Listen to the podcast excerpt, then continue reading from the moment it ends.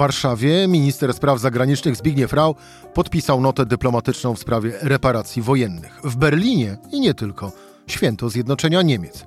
Święto czegoś, co z każdym dniem jest coraz bardziej obce obozowi rządzącemu. O tym wszystkim w rozmowie z Michałem Szułdrzyńskim. Rzecz w tym, że taki był dzień. Cezary Szymanek, zapraszam na codzienny podcast Rzeczpospolitej. Trzeci dzień października, poniedziałek, Michał Szułdrzyński, zastępca redaktora naczelnego Rzeczpospolitej, jedna, druga duetu polityczne Michałki. Michał, dzień dobry. Dzień dobry Cezary, dzień dobry Państwu. Swoisty prezent e, z Warszawy do, dla Berlina w dniu Święta Zjednoczenia Niemiec? E, tak, miałem dzisiaj ciekawą rozmowę. Rozmawiałem z kimś właśnie dobrze zorientowanym w tajnikach obozu władzy. Mówi, ale jak to dzisiaj?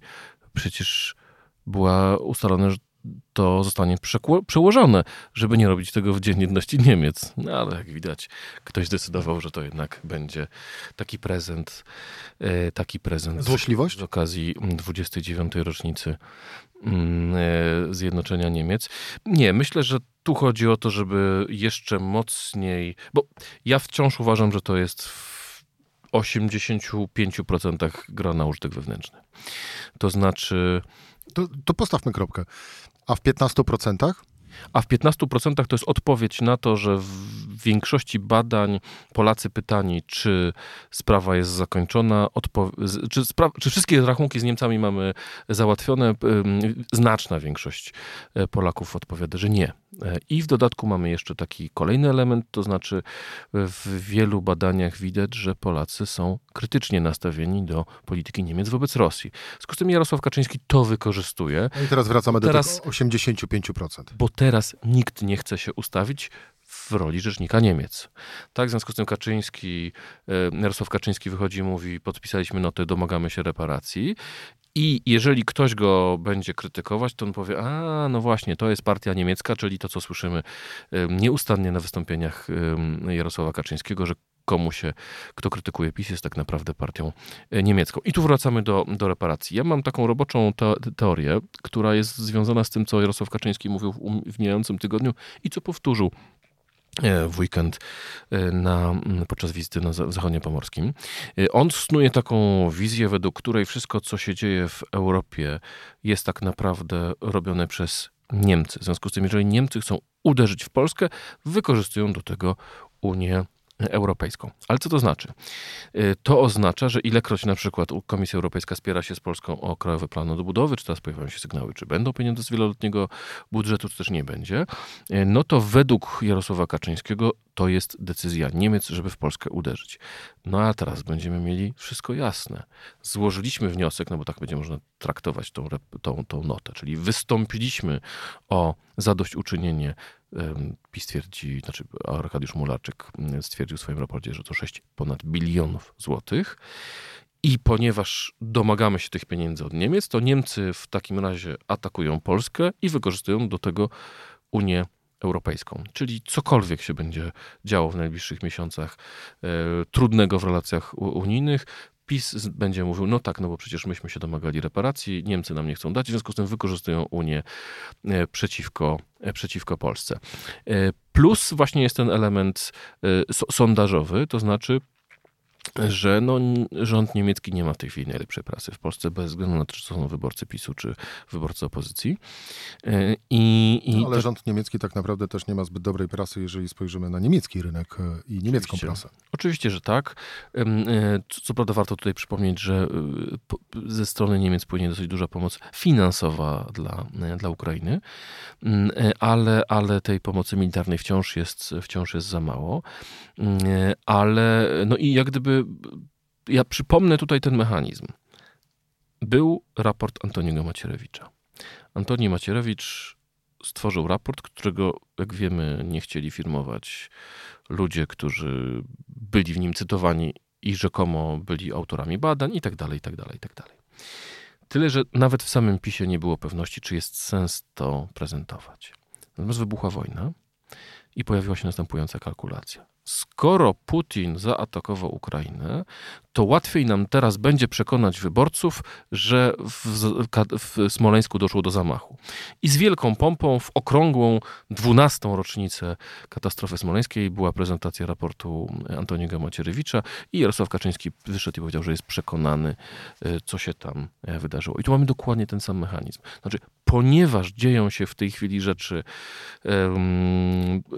które podważają y, niemiecką politykę wschodnią, jej relacje z, z Rosją, y, budowanie przewagi gospodarczej na y, tanich surowcach energetycznych z Rosji.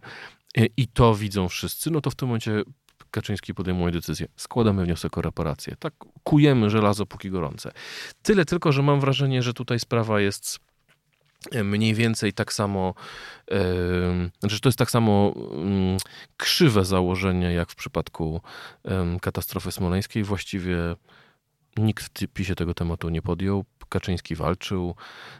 No i jeszcze po reportażu Piotra Świeczka właściwie PiS ze wstydem tą sprawę. TVN24. 24 I mam wrażenie, że to jest tak samo i tutaj się powołam na badanie Ibrisu dla Rzeczpospolitej. To znaczy badanych 12 całe procent uważa, że Polsce uda się odzyskać e, reparacje. Czyli nawet jeżeli większość Polaków uważa, że nie mamy zamkniętych rachunków z Niemcami, tylko 12% wierzy, że rządowi uda się, temu rządowi się uda cokolwiek mm, odzyskać. A zatem no to pokazuje, że jest to po prostu wykorzystywanie tej, tej, tego niemieckiego, antyniemieckiego sentymentu, ale Polacy co ciekawe, uważam, że rachunki nie są, znaczy taka jest moja teza robocza, że rachunki nie, nie, są zamknięte, ale to wcale nie oznacza, że chcą otwartego konfliktu z Berlinem. No właśnie, bo tak naprawdę e, jest wielce prawdopodobne, mm, że wchodzimy o to w wieloletni i jeszcze e, bardziej stający na ostrzu noża konflikt e, z Niemcami, ale zanim, zanim do tego, to pozostańmy na krajowym podwórku.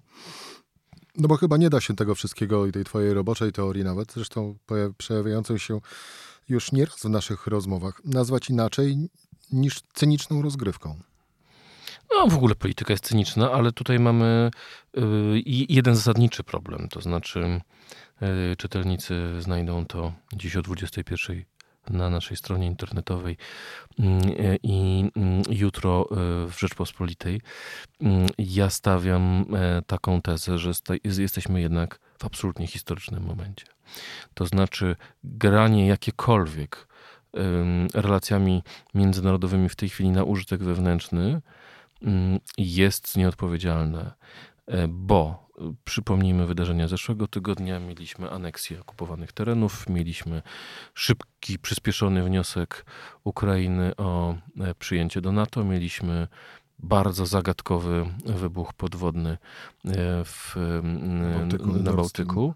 E, bardzo ostrą reakcję e, Rosji. Coraz więcej poważnych ludzi obawia się użycia taktycznej broni jądrowej, czyli coś, co kiedyś wydawało się absolutną teorią, w tej chwili nie powiem, przestaje być teorią, ale teraz już nie jesteśmy w stanie wykluczyć że nikt przez najbliższe 50 lat nie użyje taktycznej broni jądrowej na terenie, na terenie Europy.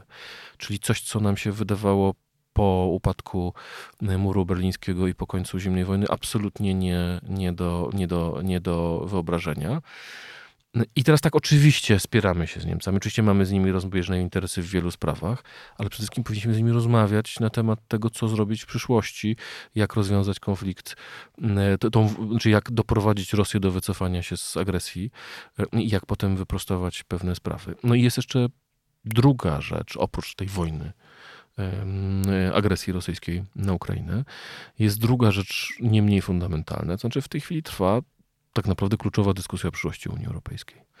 Francuzi mają inną wizję, a kanclerz Scholz przedstawił inną wizję. Kanclerz Scholz przedstawił wizję totalnego rozszerzenia, przyjęcia Ukrainy, e, Mołdawii, Gruzji i państw e, Bałkanów Zachodnich e, i w związku z tym zmniejszenia Yy, znaczy z uproszczenia procedur yy, unijnych, czyli tak naprawdę zmniejszenia zakresu działania yy, unijnej jednomyślności. To oczywiście budzi emocje, ale chyba wszyscy w Brukseli i w wielu europejskich stolicach zdają sobie sprawę z tego, że jakieś zmiany instytucjonalne Unię czekają.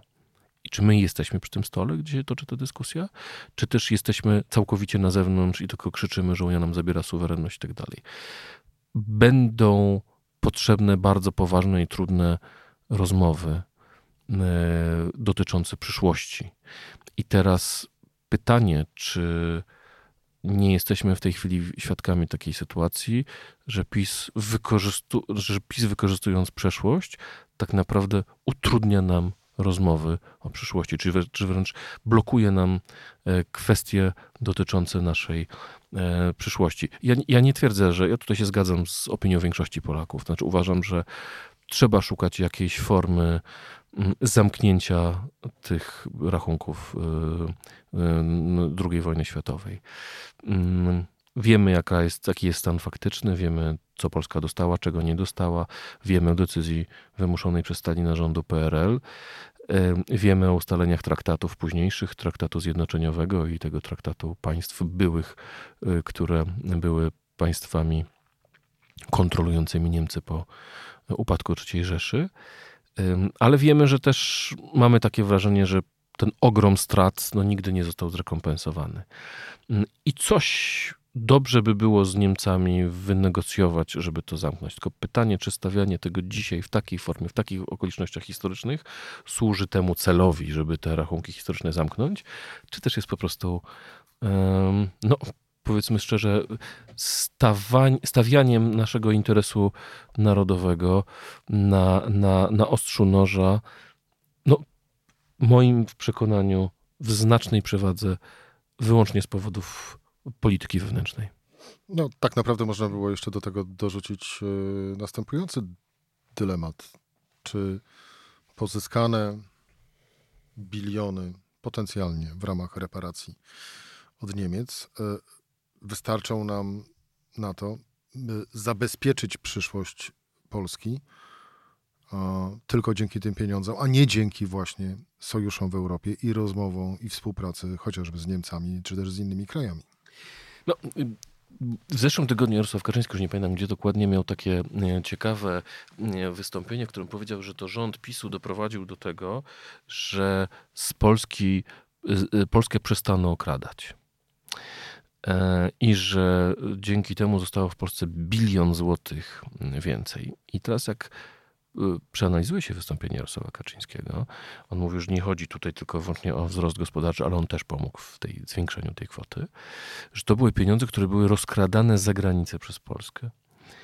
Moje pytanie jest takie, czy Jarosław Kaczyński uważa, że jeżeli ktoś przyjeżdża do Polski i inwestuje pieniądze i następnie inkasuje z tego powodu dywidendę, a jest to za firma zagraniczna, to czy on rozkrada Polskę?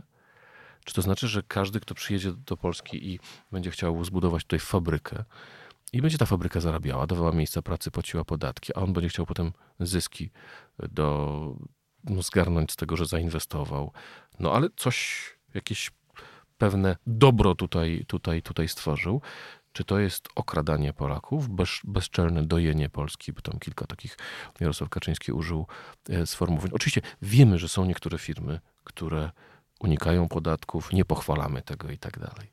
Natomiast Jarosław Kaczyński uderza w sam, samą w ogóle ideę um, zagranicznych inwestycji w Polsce. A przypomnijmy, no, dzięki Polska jest jednym pod względem gospodarczym, jest jednym organizmem z Niemcami, e, Czechami, Słowacją i Węgrami, ponieważ to te cztery kraje wyszehradzkie są największym, jeżeli się jest sumować, największym partnerem gospodarczym Niemiec, ponieważ tam są inwestowane przez Niemców, dzięki niemieckim inwestycjom powsta powstałe, powstałe fabryki montownie i tak dalej, i tak dalej. Przy nich są dziesiątki polskich firm, które pracują, wytwarzają bogactwo i tak dalej, i tak dalej. Znaczy ten, ten, ten prymitywizm w patrzeniu na, na relacje y, międzynarodowe i gospodarcze mnie czasami w wykonaniu Jarosława Kaczyńskiego przeraża. E, płynnie przeszedłeś do e, analizy słów e, pana prezesa Prawa i Sprawiedliwości Jarosława Kaczyńskiego, ale pozwolisz, że mając również w pamięci te z, z minionego właśnie weekendu, a szczególnie o ziemniakach i dzikach. E, nie będziemy dalej brnęli w tłumaczenie e, tych słów. Zostawmy po prostu tym, tym słowom, bo one już właściwie same za siebie dosyć dużo mówią. I również jeżeli chodzi o osobę je wypowiada, wypowiadającą. Mm, reparacje, kończąc ten wątek, reparacje będą próbowały być, a właściwie czy PiS będzie próbował z reparacji e, uczynić główny leitmotiv kampanii wyborczej? Myślę, że PiS, że, że, to nie będzie leitmotiv, to będzie jedno z narzędzi, ale leitmotivem będzie kampania antyniemiecka.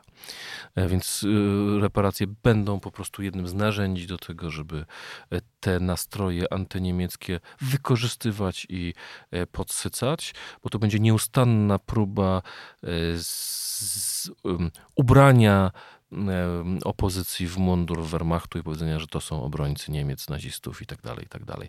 W związku z tym to też będzie trudne zadanie przed e, opozycją, żeby się w ten mundur nie dać ubrać i, i no ja tak rozumiem tą inicjatywę z połowy września.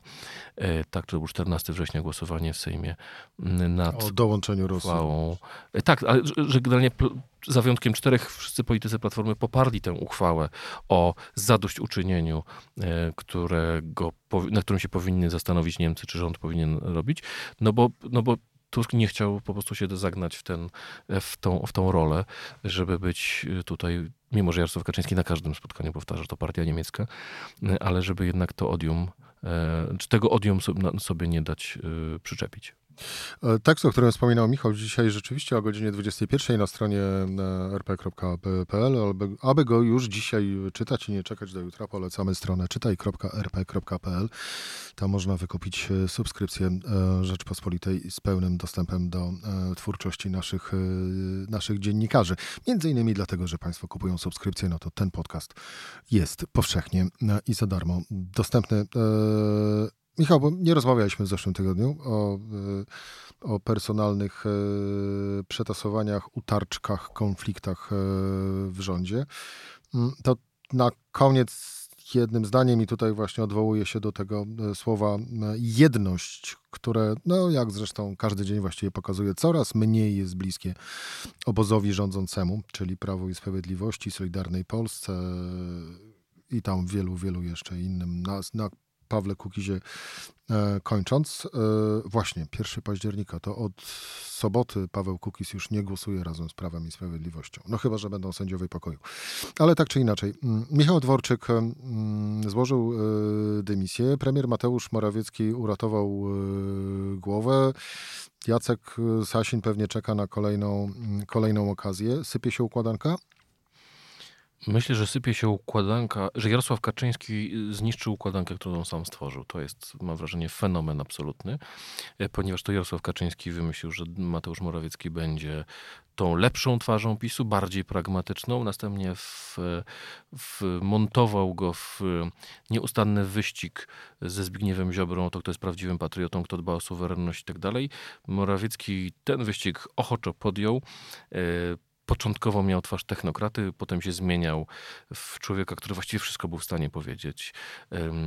I, I, to mam wrażenie wcale nie zbudowało jego wizerunku, a na koniec e, Kaczyński pozwolił e, rozmaitym frakcjom odstrzeliwywać ludzi e, Morawieckiego. Tyle tylko, że mam wrażenie, że teraz jesteśmy w absolutnie nowej fazie. To znaczy to, co powiedział Kaczyński w wywiadzie w zeszłym tygodniu dla Radia Wrocław, to było jeszcze przed tym posiedzeniem słynnym, wyjazdowym posiedzeniem e, parlamentarnego i posiedzeniem komitetu, prezydium komitetu politycznego. Kaczyński powiedział wtedy, że e, Mateusz Morawiecki jest premierem i że będzie premierem do końca mm, kadencji, ale takie jest, bo takie jest jego zdanie, ale że w partii są inne zdania na ten temat. Czyli po raz pierwszy publicznie powiedział, że mm, Mateusz Morawiecki jest bardzo mocno atakowany wewnątrz i myślę, że Jarosław Kaczyński może się pewnego dnia dać przekonać przeciwnikom, że mimo, że kilkakrotnie Kaczyński w wywiadach mówił, że do końca kadencji Morawiecki e, tym premierem będzie. E, o, od, o odejście Michała Dworczyka w niezwykły sposób utrudnia życie Morawieckiemu, ponieważ był to pewien zwornik jego, jego układów, przełożenia w partii, innych instytucji i tak dalej. Więc Morawiecki przeżył tę, tę kolejną bitwę, ale jest niezwykle osłabiony. Sam Kaczyński, udzielając takiego wywiadu, taką jeszcze przed tym posiedzeniem, na którym podjęto decyzję o dymisji Dworczyka, czy o, no, przy, przyklepano dy, dy, dy, dymisję Dworczyka,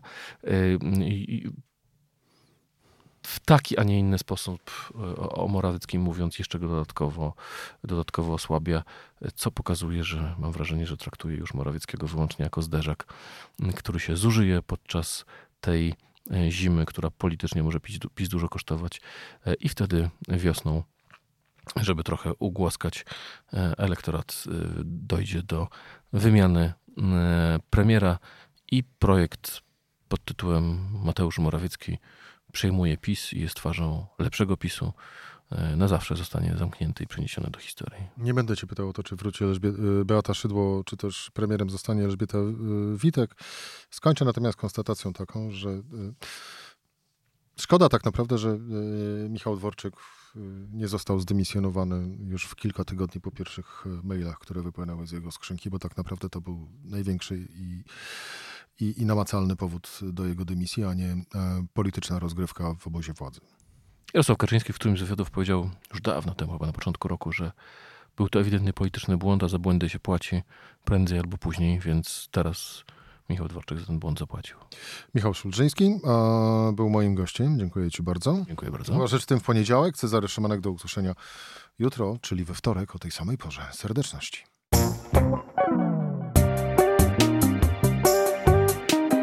Rzecz w tym to codzienny program Rzeczpospolitej. Od poniedziałku do czwartku o godzinie 17. Słuchaj na stronie podcasty.rp.pl. Włącz Rzecz w tym w serwisie streamingowym.